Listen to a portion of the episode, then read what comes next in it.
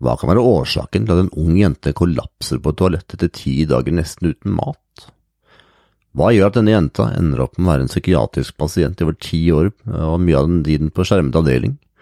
Hva var vendepunktet som gjorde at hun i dag jobber med mennesker i lignende situasjon, og så gifte seg neste år, noe som var helt utenkelig for noen år siden? Hei og velkommen til Andre boller, mitt navn er Frank Nilsen. Vi har hatt mange spennende og varierende tematikker og gjester i Andre boller. En ting som er helt sikkert, at denne eh, praten her er nok den av de som har gjort mest inntrykk på meg, og som jeg har sittet mest tanker i etterkant, og som jeg har virkelig eh, tenkt ja, hvor ofte spør jeg egentlig om bakgrunnen for det? Enda jeg har hatt det som jobb i mange år, det å faktisk spørre om ting, da, men hvor ofte spør vi? Hvis det kommer et eh, barn eller en voksen person som søker oppmerksomhet, så det, sier vi ofte ja, du gjør det for å få oppmerksomhet, men vi spør jo sjelden ja, hva var bakgrunnen for at en person søkte den oppmerksomheten. da? Og Silje Marie Strandberg er også kjent for en dokumentar som heter Lykkepilen. Der hun på en måte mener at mye av det som årsaken ble så syk, da, var nettopp medisinering. Så vi snakker om det òg. Snakker om utrolig mye i denne episoden her, og det er eh, som sagt igjen. Vi håper du setter like pris på den som, eh, som det jeg gjorde. Det var en uh, virkelig prat til ettertanke som jeg tenker at veldig mange av oss uh, har bruk for. Vi trenger alltid noen uh, tankevekkere på hvor viktig det er å spørre. Og denne podkasten her er produsert av myrevolution.no. Hvis du går inn på myrevolution.no og søker opp kosttilskudd til kalsium pluss D3 pluss K2 og Nå er vi jo, når du hører på en podkast når den er spilt inn, så er det jo høst. Vinteren kommer i møte, og da får vi mangel på D-vitamin. Og da er det viktig at man får i seg D-vitamin sammen med K2. Og da går du inn på myrevolution.no, søker opp eh, kosttilskudd og kalsium D3 pluss K2, og så anbefaler jeg det på det sterkeste å gjøre det. For det er noe med at når, når det blir mørkt, og det blir vinter, og det blir tungt, så produserer vi heller ikke naturlig D-vitamin, og det skal ganske mye til da, for å klare å få gi seg nok av det. Nå, god lytt med Silje Marie Strandberg. Jeg må ønske deg velkommen til podkasten, Silje Marie Strandberg. Du har en veldig interessant historie, og det her er noe jeg virkelig har gledet meg til. Så kan vi ikke begynne med at du forteller litt om deg selv, da, om hva som uh, gjorde at du fikk en spesiell historie? Nei, jeg uh, vokste opp i en liten bygd der alle kjenner alt om det. Eh, kristent hjem vokste opp i, noe som jeg syntes var veldig utfordrende fordi det var så veldig synlig. Eh, og det passet meg egentlig ganske dårlig. Og så var det litt sånn at eh, de som ikke var kristne, var på en måte litt mer verdt enn oss andre. Så jeg tror jeg var ei jente som eh, Jeg har alltid vært ei stor jente, ei høy jente, og kunne nok virke litt mer sånn guttejenteaktige. Jeg var hard i taklingene på fotballbanen og, og sånt. Eh, men jeg var òg veldig sensitiv. Så jeg, jeg er høysensitiv. Og det ser jeg har vært en veldig sånn utfordring i forhold til Når du skal finne deg venner og alt dette her eh, i en sårbar alder, så Jeg tror mye av det å vokse opp i et kristent hjem Jeg hadde foreldre som Det var veldig vanlig å ikke snakke om ting. Eh, det, det var det, men, eh, men det var utfordrende å ikke føle på en måte at hvis det er noe som er vanskelig, så blir du fanget opp. Jeg trodde det var ganske synlig eh, hvis det skulle være noe. Så det har vært en sånn utfordring. Og jeg har tre eldre søsken, og de levde nå sine liv som er helt naturlig. Så jeg var liksom minste jenta. Og um, jeg var aktiv med de andre i byggefeltet og rundt, altså klassekamerater og sånt, eh, mye av oppveksten. Men jeg har nok alltid vært litt sånn på sida, muligens fordi at jeg var litt sensitiv. Og hva mener du med sensitiv, Silje? Kanskje mange ikke er med på den. Jeg forstår ja. hva, du, hva, du, mener, men uh, ja. kanskje som lytter ikke mener. Hva mener du med sensitiv? Du, jeg mener um, det er mye følelser når det er første følelser. Og jeg tenker at Selv så er jeg ekstrovert. Jeg er, veldig, jeg er utadvendt og veldig glad i folk, men, men det er òg veldig fort sliten. Og så er det vanskelig på en måte å finne at nå må du trekke deg tilbake, men du har bare lyst til å på en måte være litt på. Og så er jeg glad i mennesker, jeg har lyst til å bli likt, jeg, har lyst til å, jeg liker andre og har lyst til å ha det kjekt. Så, så det å være Når du er veldig sint, da, så er du veldig sint. Når du er lei, så er du veldig lei, osv. Så, videre. så det er liksom typisk sånn eh, og det er liksom alltid noe med hun. Altså, det blir litt sånn, det er mye følelser, og det kan nok være en sånn irritasjon for mange rundt. Da. Og det kan jeg se. Men det var nå sånn jeg var, og sånn jeg er. så er det sånn at 15-20% av befolkningen er høysensitiv. Er det det? Jeg tror jeg har en sønn som, er, eh, som passer veldig godt med beskrivelsen her. ja, ja, og det er veldig fint. Mm. Det er veldig fint når det er fint, og så er det ganske utfordrende når det er veldig. utfordrende. så det er noe med å liksom, klare som voksen å, å, skjønne litt mer enn det, så er det jo viktig å legge, liksom, legge til rette for meg sjøl, da. Uh, ja, nei, så, så jeg ble utestengt, og, og da begynte litt sånn mobbing eh, når jeg var tolv år. Og klarte litt med de verktøyene som jeg ikke hadde. Altså, jeg hadde en mor som var sensitiv, høysensitiv. Og hun hadde faktisk òg en, eh, en, bakgrunn med mobbing. Og jeg tror nok at mye av dette har på en måte Jeg har blitt et speil på hun sjøl da jeg var liten, så jeg tror nok det har vært en sånn trigger for hun å oppleve at sin egen datter går litt gjennom de samme tingene. Og, og, klart hun har ikke bearbeida sine ting. Så jeg ser jo alt dette her nå i etterkant, selvfølgelig. Vi har snakket mye om det. Men, eh, men det å bli utestengt og mobba når du er sånn tolv år det er jo, Du er sårbar lenge, men, men, det er litt sånn et annet sånn tidsskille der du skal enda mer finne ut av deg sjøl. Um, og klart det var flere ting som skjedde, ikke vi skal nødvendigvis gå inn i alle de tingene der. Men men du har liksom blikk. Du har liksom Det der når du går forbi, så er du litt sånn borti eh, Du sier ikke nødvendigvis noe hvis du sitter i bussen eller sitter med stoler foran, så får du gjerne et sånt spark bak i, bak i ryggen uten at det blir sagt så mye. Og klart det at jeg ikke ble involvert flere ganger sånn tydelig at du skal ikke Du får ikke lov til å være med det gjør noe med deg. Klart det når du er ung og ja. Så, så jeg, jeg, famler da veldig dette å, å, bli sett.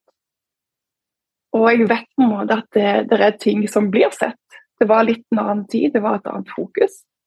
Eh, jeg hadde mine skrik om hjelp, sånn som jeg kaller det da, for det opplevdes som at det var skrik om hjelp. Og det var Jeg har bare lyst til å nevne de tre tingene, men det ene var at jeg skrev vi skrev loggbok, og jeg skrev at jeg ønsker å bytte klasse fordi at jeg har ikke noen å være med. Og det er ganske tydelig eh, tegn på at jeg har det ikke bra. Så jeg tenker at her er det et ganske ganske lett å komme til meg etterpå og spørre eh, hva kan vi gjøre med det. Det var jo ikke godt å høre. Eller, var... Men jeg ble ikke møtt med noe etterpå av, av han som jeg hadde som lærer. Og det, og det er veldig sånn stort svik når du er såpass ung, såpass sårbar, og jeg faktisk sier at jeg ikke har noen å være med, så er det ganske tydelig. Um, så jeg, ehm, jeg har et nytt skrik om hjelp, og det er at jeg tar en nål og skraper meg med øya. Uh, jeg tenker ikke om jeg hadde sikkert sett et eller annet på TV, eller noe sånt, men da, okay, nå er det noe synlig. Hvis jeg gjør det, kan det være at de da spør hva som ligger bak.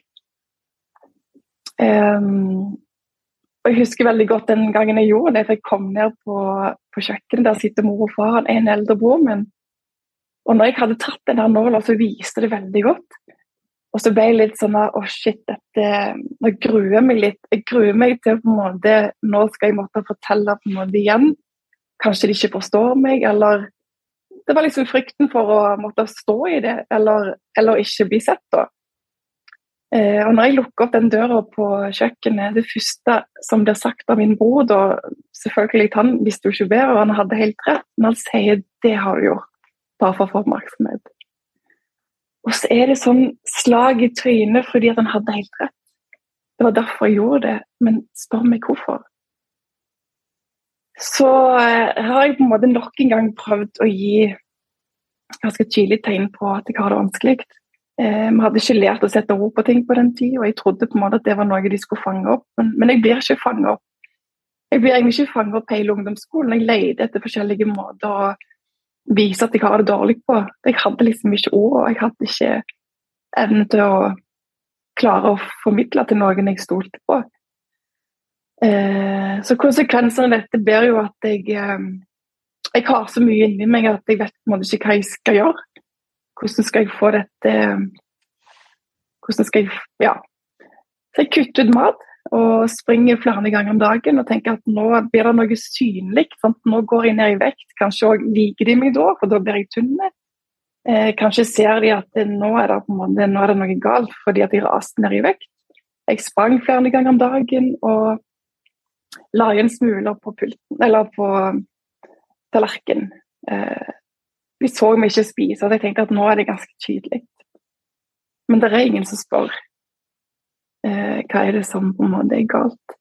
Og det er ganske tøft når du er så sårbar du står oppi på en måte at ikke du har en plass der er liksom ingen som liker deg og vil ikke ha deg med. og Du står så alene i verden, på en måte.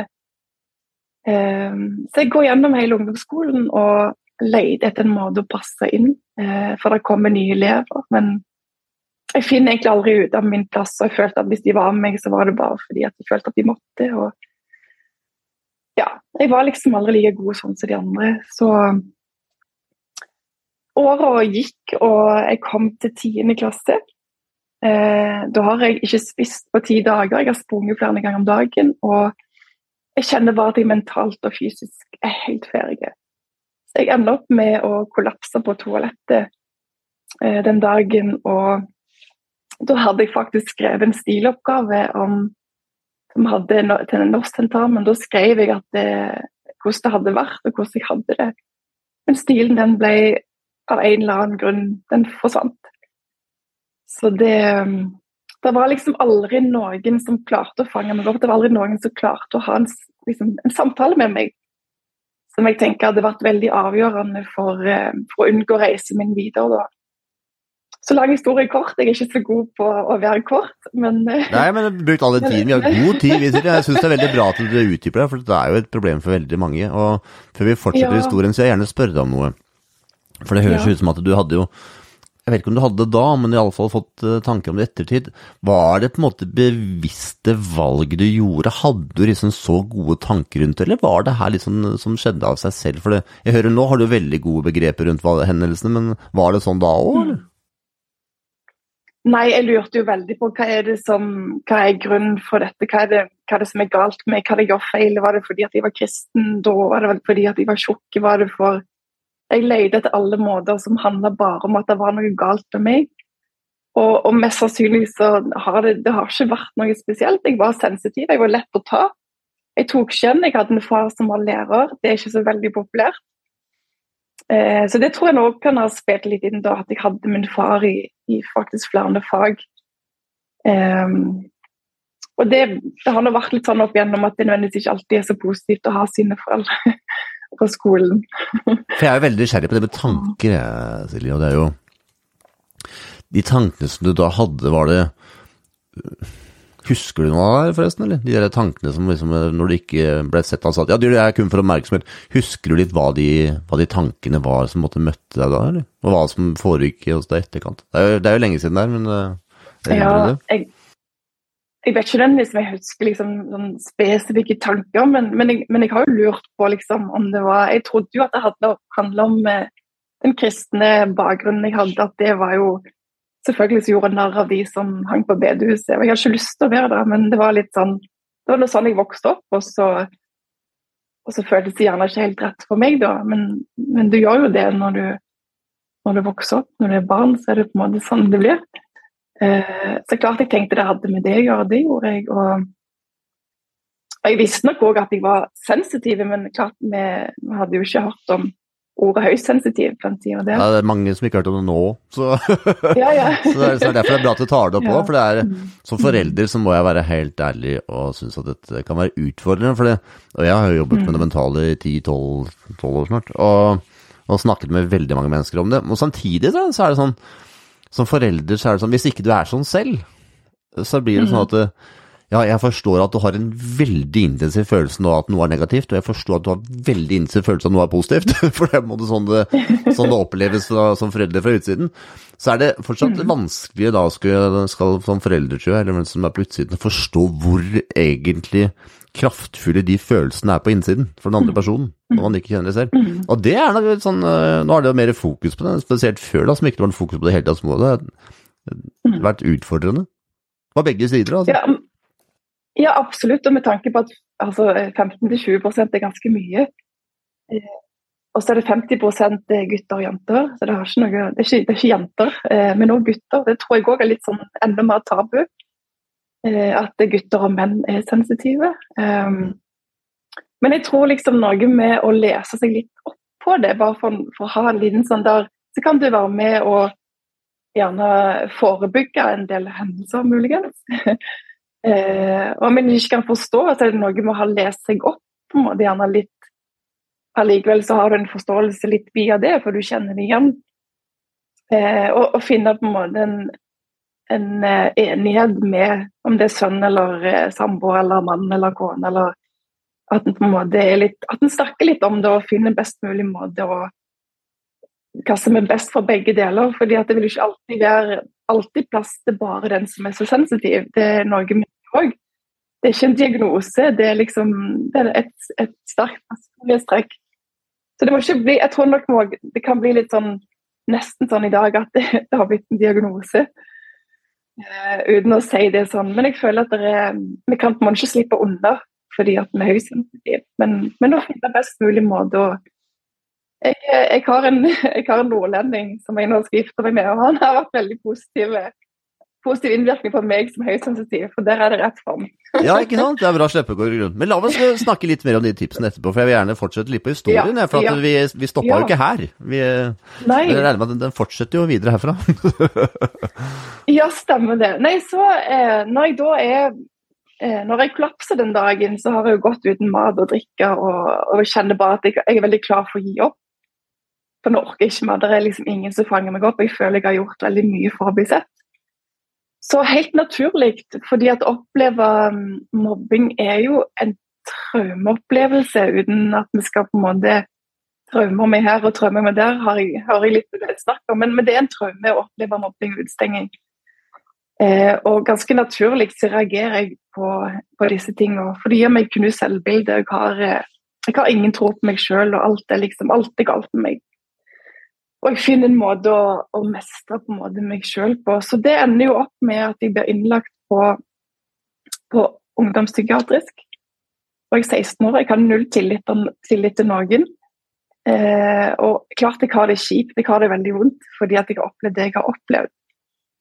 Men der er det jo Når jeg kom inn der, så er det litt sånn Jeg kom inn som ei 16 år gammel jente som er ganske lei seg, naturlig nok. og å komme inn på et sykehus der det er syke på en måte, andre syke ungdommer, så kjente jeg passer ikke meg. på en måte. Eh, og mye av samtalene handler nok veldig lite om hva var som gjorde at jeg havna inn på sykehuset. Det var jo på en måte et symptom, det var jo det at jeg skulle spise. Men eh, det var ikke det som var Det var en grunn for at jeg gjorde det. Så, så det liksom har vært en sånn der greie når jeg har gått tilbake til historien, at det var veldig lite snakk om To ganger i journalen gjennom, gjennom ti år eh, så står det Da har jeg forklart på en måte hva jeg kom ifra, men det blir aldri tatt videre som en ting en skal jobbe med. Så jeg får jo veldig mye sinne. Jeg får veldig mye redsel, og jeg var ganske rolig igjen. Jeg var veldig redd for å være til bry, veldig redd for å ta stor plass. Og det, sånn var mine foreldre òg. Det, det farger jo på en måte meg òg. Ehm, så, så veldig tidlig så opplever jeg at min behandler han syns jeg har det så vondt, så han vil på en måte ta, det, ta dette her vekk i hermetegn eh, med å gi meg medisiner. Og der starta på en måte helvete. Jeg skulle aldri hatt medisiner. Jeg hadde en helt naturlig reaksjon på det jeg hadde opplevd. Jeg blir ikke møtt på det. Jeg er 16 år, jeg trenger at min behandler hjelper meg å håndtere disse tingene. Jeg trenger at han hjelper meg å sette ord på ting, hjelper meg å, å bygge opp selvtilliten min igjen. Og, men jeg tror han, han syntes jeg hadde så vondt, men, men, det må du tåle, for du er en voksen mann. Eh, så det var veldig, veldig feil i mitt tilfelle. Eh, jeg sier i mitt tilfelle. Jeg ble veldig syk veldig fort. Eh, og historien fortsetter på en måte i i mer eller mindre ti år. Jeg er inn og ut hele tida. Jeg eh, går på veldig mye mer medisiner etter hvert. Jeg ser ting, jeg hører ting. Dette gjorde jeg ikke før jeg begynte på medisinene. Og jeg møter veldig mange fine, gode mennesker. Det, det skal jeg virkelig på en måte si, for det har jeg gjort. Men det var liksom aldri noen som lurte på jenter bak diagnosen. For jeg ender, opp med, å få en ganske alvorlig diagnose som på den tida der var um, kroniske. I dag er han ikke det, men schizoaffektiv. Uh, så jeg er fra å være ei ganske sånn forsiktig jente til en viss grad Jeg er stor jente, ja, men, uh, men jeg, det var veldig mye sinne. Det var veldig mye redsel og frykt og selvmordsforsøk. Og alle de medisinene jeg på en måte fikk etter hvert, gjorde at ting egentlig bare ble veldig mye verre. Mor og far kjente meg ikke igjen allerede fra helt i begynnelsen da jeg begynte på de første antidepressiva medisinene. Så de sa jo det at vi ville ikke du skulle gå opp medisiner. Jeg ville for så vidt ikke, jeg tenkte jo ikke at jeg var syk. Um, og de stolte jo på en måte på at dette var det rette å gjøre, siden det var en behandler som bestemte dette. da. Mm. Jeg er her for uh, Tiden flyr, ute. To år siden, uh, tror jeg, så intervjuet jeg en, en mann som heter Jerry Marsinski. og han er vel en forholdsvis ganske kontroversiell mann. Og ja, sans for mennesker som er kontroversielle, de sier jo da, sier da ofte noe som andre som ikke er helt enig Men han skrev nå i hvert fall en bok, da, og den boka heter An Amazing Journey into the Psychotic Mind. Og Jerry han jobba da i 30 år, var det vel, med veldig schizofrene mennesker. Han jobbet da i høysikkerhetsfengsel i USA, blant annet, med de verste av de verste, og jobbet da med de som var veldig schizofrene. Uh, og han hadde jo kanskje litt annen tilnærming enn andre. da. Han var litt mer nysgjerrig på hva er det på en måte disse stemmene sier. For han hadde liksom samme, samme tanke som deg, da, at eh, når han så at medisinbruken gjorde på en måte at mange ble sløve og de fikk litt andre tanker osv. Så, videre. så jeg sier ikke det at det som Jerry sier stemmer, men jeg bare er nysgjerrig på For han sa på en måte at når de fikk medisiner, så fikk de litt andre typer tanker, eller stemmer som han kaller det. da. Eh, og så er jeg litt nysgjerrig på er det sånn at Husker du litt på det liksom endret tankene seg, eller stemmene som vi kaller det, eller Husker du måte hvordan det var? Gikk det måte fra å være den type tanker til å få medisin, og så ble det måte den typen? Husker du det? det altså, Én ting å ha det vondt, men, men, det eskalerte jo veldig. Det var veldig destruktivt, det var veldig tungt, det var veldig mye Følelsene var veldig mye mer forsterka i perioder, og ekstremt eh, ekstremt mye angst eh, mye av tida. Så ja, jeg, for meg så husker jeg bare at ting, ting ble veldig mye mer forsterka, og jeg følte jeg gikk inn i en sånn helt annen verden som, som jeg på en måte følte ikke var meg. Um, husker du på en måte hva du syntes den verden var for noe? Husker du det? Hva ble, det, hva ble det som på en måte ble annerledes? Husker du? Det, nei, men det er liksom du, er noe Altså, du er så inni hodet ditt på en måte så For du blir jo veldig nummen, altså både altså fysisk og, og, mentalt så blir du på en måte Du går inn i en boble. Du blir litt sånn zombieaktig. Og jeg har nok ikke vært en av de som som vi tydelig ser altså går skikkelig sånn zombieaktig. Det, det tror jeg nok aldri at jeg, at jeg var. Men det føltes sånn og Ja jeg kan ikke annet enn å, å huske og beskrive det som at det bare var en annen verden som jeg ikke på en måte kjente meg igjen og jeg ikke hadde lyst til å være i. Jeg følte jeg aldri kunne, komme meg ut av. Og klart Samtaler eh, med behandlere og sånne ting ble jo veldig lite Det var ikke noe det var ikke noe poeng i å ha det, jeg hadde på en måte ikke noe jeg skulle ha sagt og ikke visste hva jeg skulle si. Og jeg følte at jeg jeg visste på en måte ingenting om noen ting, jeg bare hadde blitt så veldig syk så veldig fort. Mm. For det er litt sånn nysgjerrig på Jeg kan, jeg på en måte, kan forstå begge sider her. og hva, hva, var det på en måte du skulle ønske at den eh, behandleren på en måte gjorde det i starten der, da? Sånn som, som anbefaling til andre som kanskje nå står i samme situasjon, eller kjenner noen som er i samme situasjon? Mm. For det første så må de huske at eh, en må alltid lure på hva er det som ligger bak atferden. Det er liksom noe så enkelt, men likevel så vanskelig. Og jeg vet at eh, jeg har jo hatt en eh, telefonsamtale med han behandleren i, i etterkant for eh, altså en dokumentar som er laget som heter Lykkepillen. Og der, der, han, eh, der, uttrykker han seg faktisk om litt forskjellige ting i forhold til medisiner. Og han legger seg vel til en viss grad flat på at han hadde veldig lite kunnskap om hva medisinene faktisk kunne gjøre. Om ikke det sto eh, I 1999 så sto det nødvendigvis ikke så mye om bivirkninger sånn som det gjør nå, fordi at eh, det har de måttet porsjonert ut over de siste åra. fordi at hadde de skrevet alt det som var bivirkninger, så hadde ingen tatt de. Nå er jeg ganske beint fram her, men, men, det er sånn jeg har eh, Jeg har hørt at det har vært. Um, men klart Han sier jo òg at han burde reagert på, på, ting, at jeg faktisk ble verre, og at det da burde han ha stoppet. Og sett om det var andre Han kan ikke sitte på en måte i et, eh, et kontor med fire hvite vegger, og så skal du på en måte få jeg, jeg, bare forstår på en måte ikke Det er noe litt forskjellig i dag, men, men, det er noe med å skjønne at du er ei ung jente som, som, har kommet ifra Norge, og hva er det du har kommet ifra? Er det, noe, er det noe vi kan hjelpe henne med å snakke seg gjennom? Det gikk veldig kort tid der før han satte meg på medisin, og det tenker jeg noe, det skal være den siste utvei.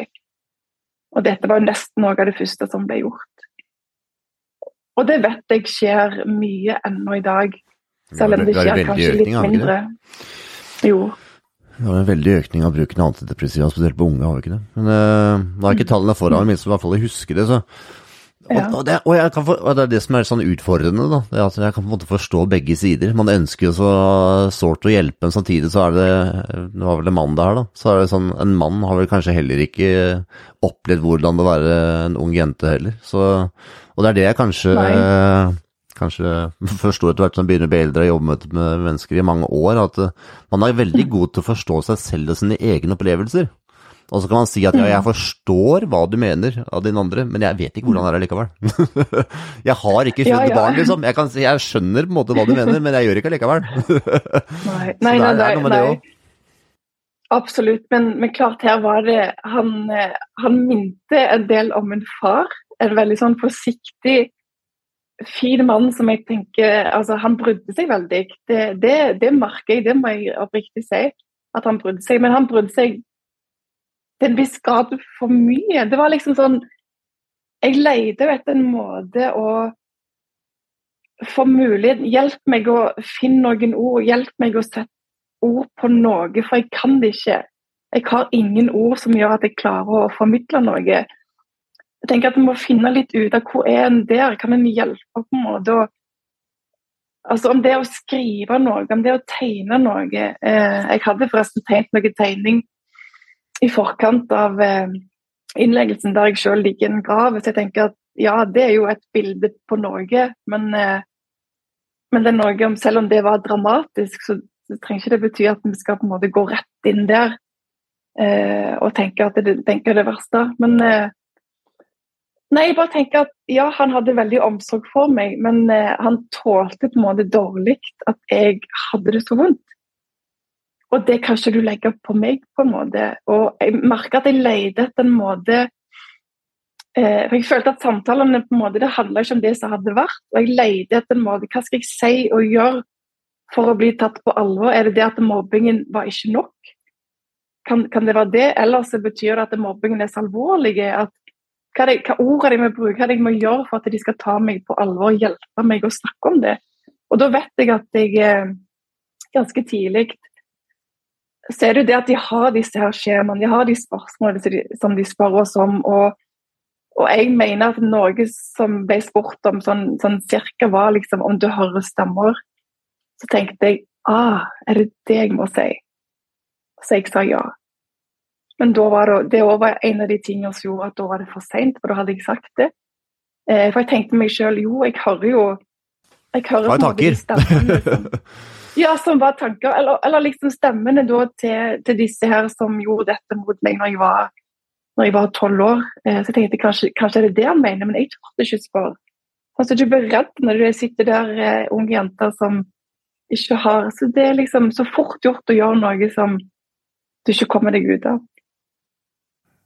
Mm. Og det er jo det som jeg syns er uh, Først må jeg si at jeg forstår jo hvorfor uh, kanskje det offentlige helsevesenet er som det er. For det første, det er jo helt vanvittig mange mennesker som nå har behov for hjelp. Og jeg husker ikke hvor mye økningen var fra i fjor. Er det 12% på ungdom eller sånn? Det er, mye, i alle fall. Eh, Ja. Og jeg forstår at det er få behandlere på enormt mange mennesker, og det er liten tid til rådighet osv. Det er ikke der pengene blir putta inn i norske helsevesen, for å si det mildt. Og det er kanskje det her som gjør det, at man på en måte Ok, vi har et skjema her. okay, vi skal gjennom de Ja. sjekkpunktene, og så kan vi så sette en diagnose ut fra diagnosen. Da kan vi måtte gi en behandlingsform. Og det er kanskje det som er utfordrende, man kanskje at man, tror- ja. Hva tenker du, Hva tenker du om det? Nei, jeg tror bare at vi må Jeg tror nok det har blitt litt sånn inn nå at vi skal ha det ene og det andre. En leser seg opp på nett, en lager seg diagnoser. Eh, vi må òg slutte å sykeliggjøre vanlige følelser. Jeg tror at der har vi ganske mye å gå på. Jeg tror at Vi må, vi trenger ikke behandlere, vi trenger å få lufta ting. Eh, før ting på en måte blir så vanskelig at det er noe som opptar deg hele tida.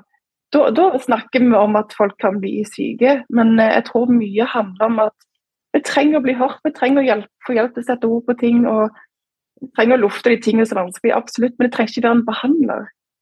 Jeg at vi må, vi må ha flere folk som kan få andre trygge personer og bare få lufta ting til. Og så er òg livet vanskelig. Det går opp og ned. Vi har det ikke alltid bra. Men med sosiale medier i dag skal vi være og ha det perfekt hver eneste dag. Og det er klart det er med å ødelegge at, eh, at eh, Jeg tror ungdommer tenker at de må være glad hver dag. Og det kan sikkert vi voksne òg, når vi ser på sosiale medier. Så blir vi påvirka, vi òg. Og de er enda mer sårbare. Så Du sa noe veldig essensielt her, Silje. Unnskyld for at jeg avbryter. Men det er, Nei, det går fint. Det er, eh, du sa noe som jeg syns er riktig å få med, og som eh, Jeg sitter og reflekterer vet du, mens, eh, mens du prater, og så sa du det der med Ja, jeg var jo ung og skulle da sette ord på de følelsene. Jeg visste ikke hva jeg skulle si, for jeg hadde ikke ord til følelsene. Og det her tenker jeg at eh, det her er, gjelder nok eh, spesielt for barn, men også for eh, voksne. For man kan jo ofte se barn som er lei seg, eller eh, gjerne voksne også, og så ser du ja, hva er det som er galt, eller hva er det, hva har skjedd? Altså sånn, nei, jeg, nei, jeg vet ikke hva det er. så sånn, ja, men du må, jo, du må jo vite hva det er. og kan vi Ja. ikke snakke litt om det, for det syns jeg er en veldig essensielt, uh, essensiell problematikk som jeg tror mange trenger å reflektere over. Nettopp det med kanskje vi ikke alltid vet hva ordet på de følelsene vi faktisk opplever er. Nei, men vi, kan ha, vi har jo en følelse uansett av noe, så det er kanskje på en måte å Det kan være fint å tenke litt over hvorfor er jeg faktisk Hvorfor føler jeg dette nå? Og veldig ofte så tror jeg at vi klarer å nøste opp til hva det egentlig er. Hva det kommer ifra. Så det blir litt mer bevisst. fordi at kroppen sier jo ifra når, eh, når det er noe som er ubehagelig eller føles vanskelig. Um, vi trenger ikke alltid ha et ord for det, men det er noe vi setter ord på følelsen, hvordan det oppleves. Og så er det òg greit, på en måte. Um, ja. Ja, jeg tenker at det er utfordrende spesielt hvis man er yngre, tror jeg. Når man på en måte kjenner en Mhm. veldig intensiv følelse som er så sterk at man kjenner man sånn kjempeklump i magen, man forstår på en måte ikke hva det er. Og så skal man prøve å Ja. forklare det til noen, så Ja, du forstår ikke hva jeg mener! Nei, jeg forstår faktisk ikke hva Ja. du mener. Og det er vel kanskje her som det Som eh, jeg forstår at utfordringen kommer, da. For da prøver man Hvis jeg tolker historien riktig, så så forsøker man å få oppmerksomhet så andre skal forstå det man mener, men så er det en måte en miskommunikasjon her, da. Så, så ja, hva tenker du om det, da? Men kan, nei, jeg tenker kanskje òg at det å på en måte stille litt sånn åpent spørsmål uten å altså ha tid til lytt, sitt på en måte og være klar for at de andre bruker litt tid. Og jeg tror nok når en på en måte tenker seg om og gjerne blir spurt, kan det være har det, har, det, har det skjedd noe i dag? Kan det ha skjedd noe Hvis du tenker etter, kan det være et eller annet som, som kanskje gjør at du føler de tingene du føler? Eh, uten å på en måte være liksom nå, nå skal du fortelle, nå skal du vite. Men, men å ha liksom en sånn åpen dialog på at en i hvert fall kan på en måte sitte og, og ha tid uten å si, altså uten at en blir frustrert om en ikke forstår. altså eh, Ikke ungdommen, da, men, men de voksne. Eksempel, at en jeg tror det, det der å ha tid og på en måte være, være litt sånn åpen og ikke masse spørsmål, men gi dem en mulighet til å tenke litt sjøl, så tror jeg mye Jeg tror de vet mye mer enn de kommer på. og så Men sitt og lytt. Vær liksom klar for å være der for det som kommer, på en måte. Ja. ja. jeg reflekterer mye mens jeg prater med deg, og jeg merker jo selv at uh, Ok, ro litt ned på intensiteten nå. Når man på en måte skal spørre det minste. Men uh, etter å ha vært her i ti år i psykiatrien, da inn og ut, så er jeg veldig nysgjerrig på hvordan er det du kom deg ut av dette? For det, det, er ikke lett, det heller. Ja, det kan det gå. Ja. ja, nei, jeg um... Ofte handler det jo om enkeltmennesker, dessverre. Eller altså ikke dessverre, men jo, litt, det gjør egentlig litt dessverre. Eh, veldig mange fine mennesker absolutt har jeg møtt, og vært så mange forskjellige plasser.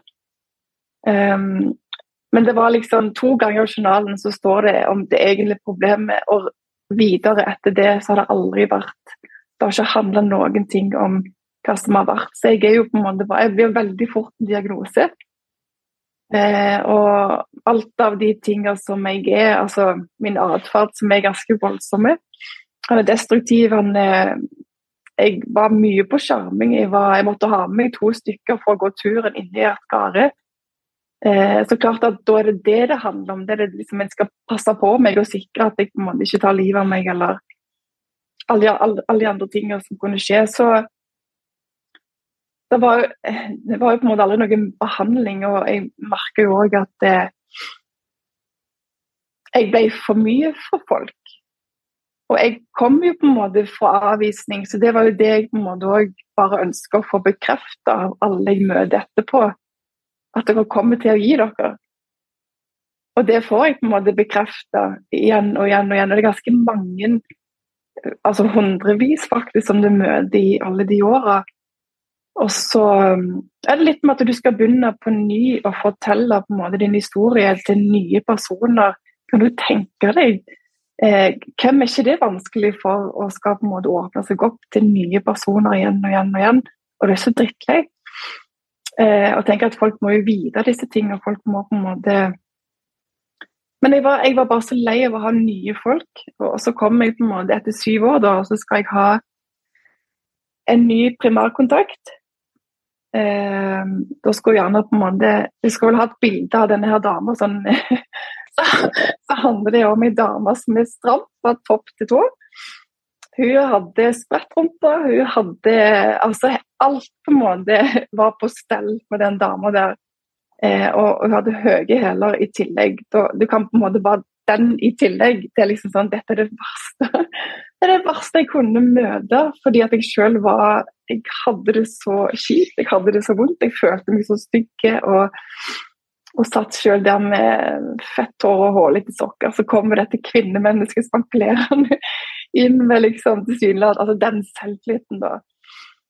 Eh, jeg kjenner jo jeg kjenner Lone som hun vet i dag, og vet hun var et menneske hun òg. Men det var vanvittig provoserende at hun der som har et perfekt liv, i hermetegn kan komme inn og se at hun skal kunne gjøre noe for meg. Eh, så det var full krig fra dag én av, eh, sånn som jeg husker det. Og det varte ganske lenge. For jeg var ikke interessert i å ha noe med et kvinnemenneske å gjøre.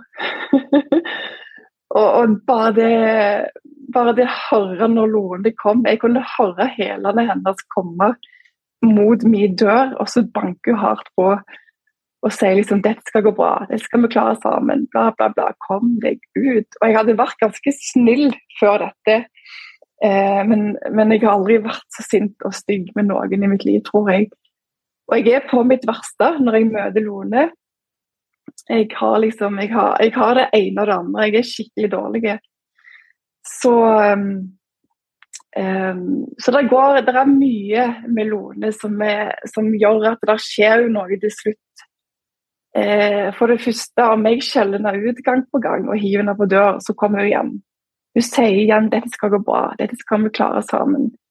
Eh, hun møter meg nede på gulvet. Altså mitt Jeg var 23 år da jeg møtte henne, men jeg snakket som en tolvåring. Jeg hadde ikke noe Mine ord var ekstremt dårlige. Jeg hadde liksom ingen Jeg visste veldig lite om veldig mye og hadde på en måte ikke noe jeg skulle ha sagt om noen ting. Men det som var med Lone, var at hun møtte meg på mitt nivå. Eh, rett og slett, Hun går ikke ut fra rommet før hun vet at jeg har forstått hva hun har sagt. Og det ga meg en trygghet.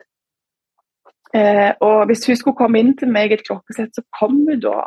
Var det noe som kom i veien, så fikk jeg beskjed om at vi må ta det Beklager, jeg blir litt forsinket, kan vi ta det litt, altså, kan vi ta det en time senere? Men bare det at jeg istedenfor at det bare ikke blir, at vi ikke kommer, så får jeg beskjed. Eh, og det ga meg jo tillit. Nå begynner det på, nå, nå har jeg plutselig en, eh, det er en kommunikasjon som gir meg trygghet. Nå har jeg en eh, Nå kan jeg faktisk stole på henne det var, nå er det to store ting. Og den tredje tingen var Jeg hadde en familie som var i sjokk når jeg først ble innlagt. Og, og de visste på en måte ikke De hadde ikke kommet på at det var så alvorlig. Eh, og jeg fikk masse besøk, jeg kunne ringe hjem de kom. Det var liksom, det var, de visste jo ikke hva godt de kunne gjøre for meg. Men etter syv år så betydde det litt Det betydde mindre og mindre at, at de kom og ga meg en klem og sa de var glad i meg, for jeg trengte noen andre enn familien viste at jeg var noe verdt. Så det Lone òg gjorde, var at hun ga meg en klem. Og hun holdt meg i hånda eh, og sa faktisk at hun var glad i meg. Det har med en, en tredje store ting med at det er fysisk nærhet. Jeg var vant med at jeg var ekkel, jeg var vant med at noen ikke ville være med meg. Jeg trodde at de var stygge, jeg trodde at de var på en måte ikke verdt å bry seg om. Så det å få den klemmen og, og få den hånda å holde i eh, og vi satt òg på gulvet, rygg til rygg, skulder til skulder, uten at det ble sagt så mye. Men, men, det at du velger å bruke tid på å gi meg den der nærheten, det kan jeg heller ikke klare å beskrive hvor mye betydde. Og så har vi òg det at jeg følte du alltid stakk seg litt lenger. Om jeg lå i belteseng, bundet fast med Har du gjort, det, har du gjort det, Silje? Hvordan, mange hvordan, ganger. Har du det? Jeg har ligget 14 timer på det lengste. Nei, har du det? Så ja, ja. Jeg, det var en stor del av min hverdag at jeg var utagerende, gjerne altså mot meg sjøl helst. da. Så jeg lå fast i, i belteseng, og Lone satt på sida og holdt meg i hånda. Og jeg får med meg at hun egentlig er ferdig på jobb, men hun velger å sitte igjen hos meg eh, om det var fem minutter eller 20 minutter, om det skjedde to eller ni ganger. For meg så gjorde hun alltid ja, med det. Så det at du strekker seg litt lenger for deg, det er noe med alle mennesker og merker veldig forskjell om noen gjør det. Da betyr det noe på en helt annen måte. Så, så, summen av dette Jeg skjønner jo på en måte etter å ha vært veldig avvisende lenge, så får jeg en opplevelse av at ikke bare sier hun skal gjøre de tingene, men hun er de tingene. Og det gjorde at jeg tenkte shit, skal jeg Altså, denne dama bryr seg. Hvordan forholder jeg meg til det? Så jeg ble, jeg ble sint, for jeg på en måte ville jeg ikke hun skulle bry seg, for jeg fortjente det ikke. Men så var det òg en lengsel jeg hadde med at noen skulle aldri gi meg opp. Og det, det gjør jo ikke da hun. Men så er det en, en redsel òg med at hvordan forholder jeg meg til dette, da? Hvordan kan jeg klare å, å begynne livet litt igjen da, etter så mange år?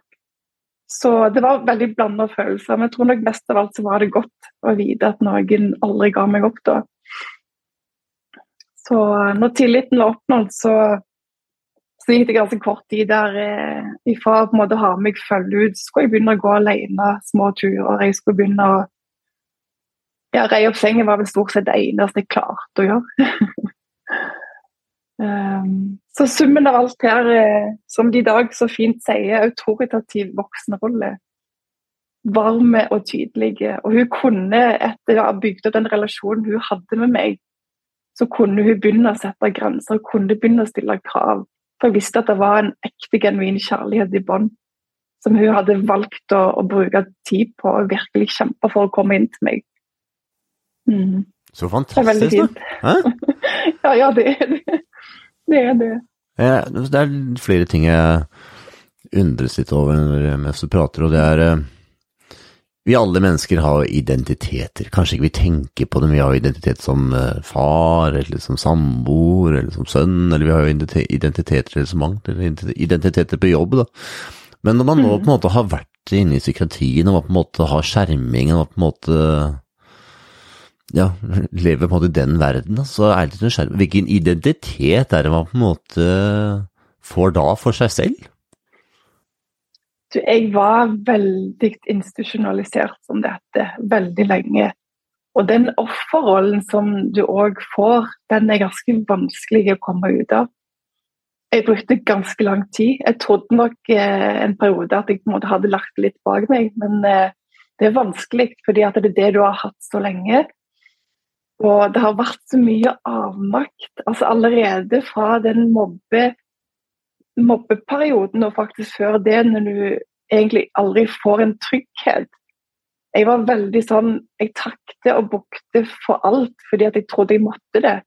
Selv om folk var stygge, meg, meg, eh, stygge med meg, så var det nesten jeg takte for det. For jeg, det var ikke så viktig med meg, på en måte. Jeg var ikke så verdifull. Og, og det har fulgt meg én ting fra barndom til til mobbingen, til psykiatrien, som jeg òg veldig fort bare en Jeg skjønte at hvis jeg ønska vanlige ting, så var ikke det noe Nei, du kommer til å måtte trenge hjelp 24 timer i døgnet resten av livet. Det var nesten noe som ble sagt helt i begynnelsen. Da kan du tenke deg at eh, da ble det sånn, da. Og det fortsatte. Så det har vært en sånn vanvittig avmaktsfølelse helt fra du er barn. Og så så har du da denne reisen inn, i, inn for sykehuset som er så mange år. Så det er klart at det, det er deg, og det har vært deg så lenge. Eh, og det er faktisk ikke mer enn nesten sånn om det er to år. Jeg kan si at jeg slapp 100% den rollen. Jeg trodde jeg hadde gjort det før, men det var da det var faktisk første gang jeg følte oppriktig at eh, den samarbeidspartner som jeg jobber med i dag i, i barne, barnehage, da, hun spurte meg vil vi skal synes synd på deg. Eller vil du vi skal tenke at dette skal ikke skje på min vakt? Og Da ble jeg så jeg ble så tatt på senga, for det ble så sånn Å, shit. Å, nei. Det, nei, det er ikke det jeg ønsker. Jeg vil jo at de skal tenke at det ikke, at det ikke skal skje på sin vakt. Da. Så det var en sånn der vanvittig sånn awakening for, eh, for hvorfor jeg gjør det som jeg gjør i dag, da. Bruke historien. Um, Mm. For offerroller det er noe vi alle er veldig flinke til å hoppe opp i. Det lærer vi fra vi er barn. ikke sant? Så, og Spesielt da, hvis man har vært liksom inne i psykiatrien så lenge og på en måte ja, jeg forstår at offerroller de er, de er ekstremt sterke, men det, det, er noe annet jeg må spørre om. Mm. Og det er jo, jeg tenker I det øyeblikket man blir lagt i en belteseng, altså da blir man fratatt egentlig alle muligheter for å fysisk bevege seg. Hvilke tanker ja. er det man får da? For det, det må være noe av det mest traumatiske jeg kan tenke meg. ja, det knytter seg faktisk til magen nå når du sier det. For den, det er en sånn der fysisk følelse som jeg ennå nok har litt Jeg har nok litt sånn der eh, redsel på det ennå, for det er ganske voldsomt. Um, så det er noen Hvis noen kommer på en måte bak og tar meg på ryggen litt hardt, eller borti skulderen, jeg hadde en samboer i begynnelsen som skulle tulleslåss. Han var veldig, han var veldig stor på den tida, han var sterk. Så, jeg, så jeg fikk jo helt panikk. Eh, nå, nå var vi sammen i åtte år, da. Men, men, det var liksom den der følelsen av å bli Det er ganske Det er tøffe, sterke, ofte menn som, som hiver deg i bakken. Når du er på en måte på det mest sårbare, og, og frykten og angsten er langt opp i taket, og så blir du da kasta i bakken for så, vet ikke hvor mange, det kan være 14-15-20 mann som hiver deg opp i en seng, og så låser de fast. Og oppå der igjen så sitter de for å gi deg ei sprøyte mens du allerede er fastbunden. Jeg var ganske sterk på den tida, så jeg kom meg ut av beltene noen ganger. Det, for du har tenkt deg frykten. Altså, du får uante krefter. Ja, jeg sitter her med skrekk og hører på det du sier. ja, ja. Men, kanskje, men, er det sånn at det er sikkert mange mener forskjellige ting om det her, også, men var det sånn at du følte at det var nødvendig under uh, din periode, eller? Om det var? Nødvendig? Var det, noe, var det en nødvendighet?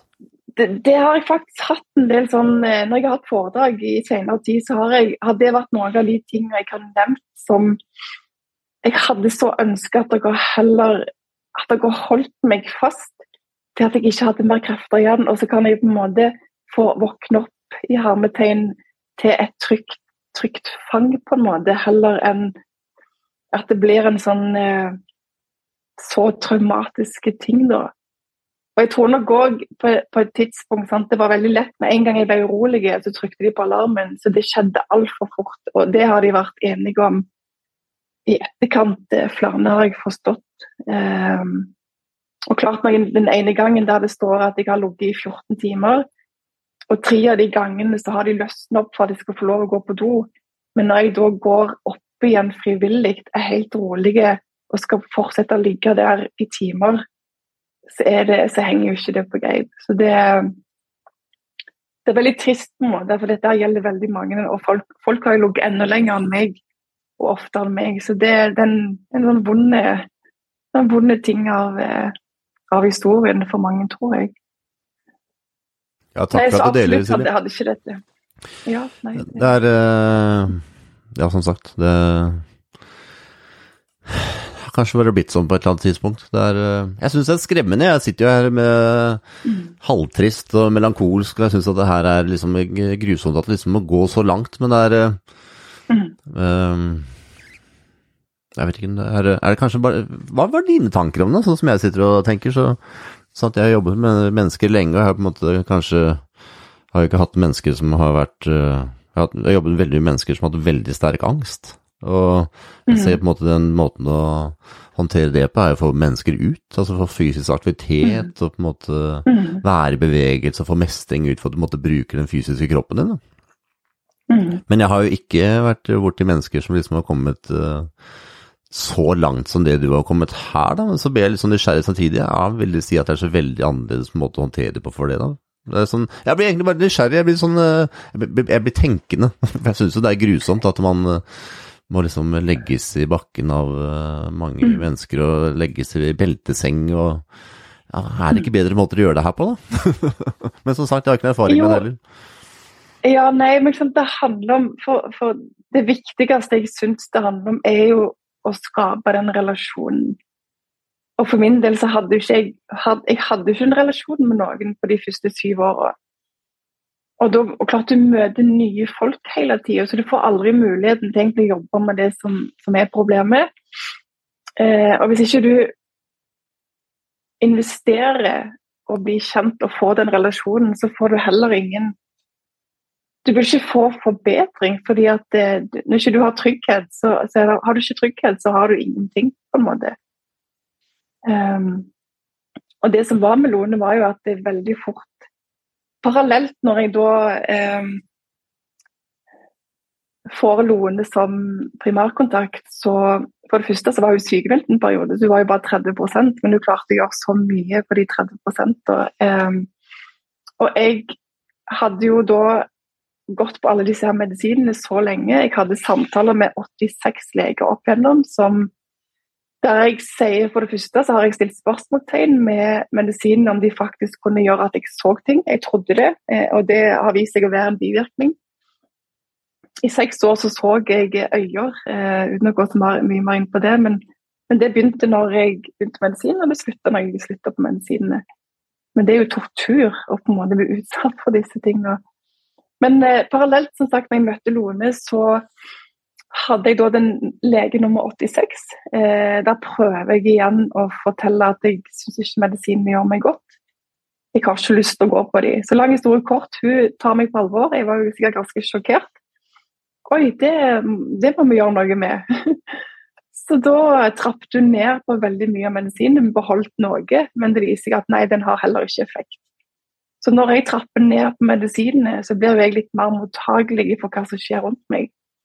Og jeg opplever jo Lone på en helt annen måte fordi at jeg ikke har det der eh, Jeg er ikke den der bobla.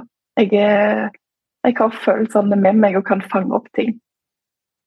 Så um, det er klart Den relasjonen er noe av det viktigste. Hvis ikke du har den, så har du ingenting å jobbe med, for du har ikke trygghet. Så det er liksom, Finnes det noe bedre medisin enn relasjon? Autoritativ voksen. oh, ja, veldig godt poeng. Du kommer så veldig mange gode poeng. Altså, veldig mye som vi tar for gitt. da. Det som du sa i stad med nærhet. Ikke sant? Og den nærheten som du har måte, kjent på her, det er måte, blir lagt i, å si, lagt i jern. blir lagt i, måte, i belter her. Ja. Uh, og det er jo ikke, det er ikke en positiv nærhet, akkurat. Så ja, sånn, ja, mange ting vi tar for gitt. da, så ja, ja, Måtte man få tilliten, så begynner du på en måte å sette mer grenser og på en måte sette litt mer målsetninger og sånn, eller hvordan er prosessen videre da? For da har man vært rimelig langt nede her, da. Over lang tid. Det er mange mm. her altså, som har virkelig satt seg godt. Absolutt. Jeg vet ikke om jeg forsto det rett, men, men hva på en måte veien videre når da hun hadde nådd inn? Var det det du mente? Ja, litt det når du på en måte ser at ok, nå trapper jeg til medisiner, greit. Begynner begynner liksom å komme ut av bobla, og, og da, har, Mm. da, da tenker du du er i det stadiet her, da. Da har du mange vaner, altså. Mange rutiner som på en måte sikkert veldig mye offerroller også. Og veldig mye skeptisk til andre mennesker osv. Det, er- det er en vei her, altså. Som skal gås Ja, det opp var og jo- dit. Ja, det er sant. Og jeg hadde, jeg hadde ikke tillit til noen andre enn hun. Jeg ønska ikke å ha noe med noen andre å gjøre, for jeg stolte ikke på dem. Men over litt tid så var det sånn, men, men det er ikke fysisk mulig at det er bare Lone du kan forholde deg til.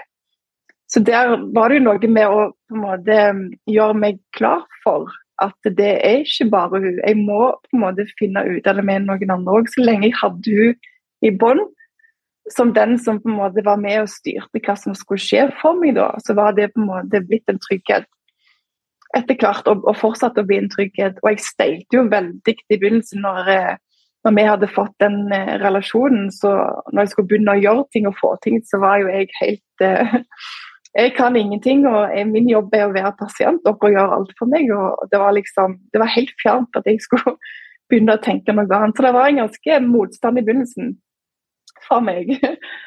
Eh, uten, hæ? En veldig stor overgang. Men, men samtidig, når jeg da så at jeg hadde ikke noe valg om å prøve ut ting, sånn selvfølgelig gradvis eh, Men så var det det at jeg følte shit, dette var jo faktisk litt spennende. Og når jeg kom så langt at jeg faktisk gikk ut alene forbi sykehuset uten noen med meg, og hadde gjerne fem minutter jeg sprang jo for harde livet det jeg kunne. Så den, når du går ut på en måte alene og bare Shit, dette liksom, her ligger verden foran meg. Tør jeg dette? Klarer jeg dette? Så det var jo en blanding av veldig mye frykt i begynnelsen, men så var det òg veldig spennende å tenke at wow, kan, kan jeg faktisk få et liv? De tror jo på meg, så da var det en følelse av at dette vil jeg ha mer av. Så den der forbedringskurven den gikk veldig fort opp fordi at jeg ble trodd på, fordi at jeg fikk lov til å prøve meg på vanlige ting eh, som jeg ikke hadde på en måte gjort før. Um, mm. Men jeg tenker fortsatt at det her er en lang vei å gå, altså. Og den der, da, Hva skjer da når du løper ut der og tenker at nå er verden, men samtidig så ah, det er ikke så mange hendelser som skal til her for offerroller slått inn for fulltid, antar jeg? Nei, og det er klart det gjorde han jo gjentatte ganger, uh, uten tvil. Uh, det var jo en lengre prosess. Jeg vet ikke hvor, hvor lang tid med, om det var to og et halvt år. Uh, meg og hun på en måte jobba litt sammen da, tror jeg, sånn, for å klare å få meg videre. Men det siste halvåret handler om at jeg venter på bofellesskapsplass. Men si da to år at vi jobba jobba sammen sånn skikkelig for å bygge meg opp. Var det, sånn som, var det sånn som mest utfordring da, egentlig? Hva er det liksom møte, møtte mest i den perioden der som åh, det her husker jeg, det her var eh, Dette var harabud. husker du det? Eh, ja, da hadde, jeg begynte jo å ha mindre medisiner på den tida, så jeg syns jo at det var utfordrende og spennende samtidig å på en måte være litt mer meg sjøl. Men jeg visste jo ikke helt hvem det var. Jeg hadde jo på en måte vært så mye annet så lenge. Så klart, det var jo en det var jo en blanda følelser med det òg. Frykten for på en måte Men kommer jeg til å klare meg? Kommer det til å gå bra?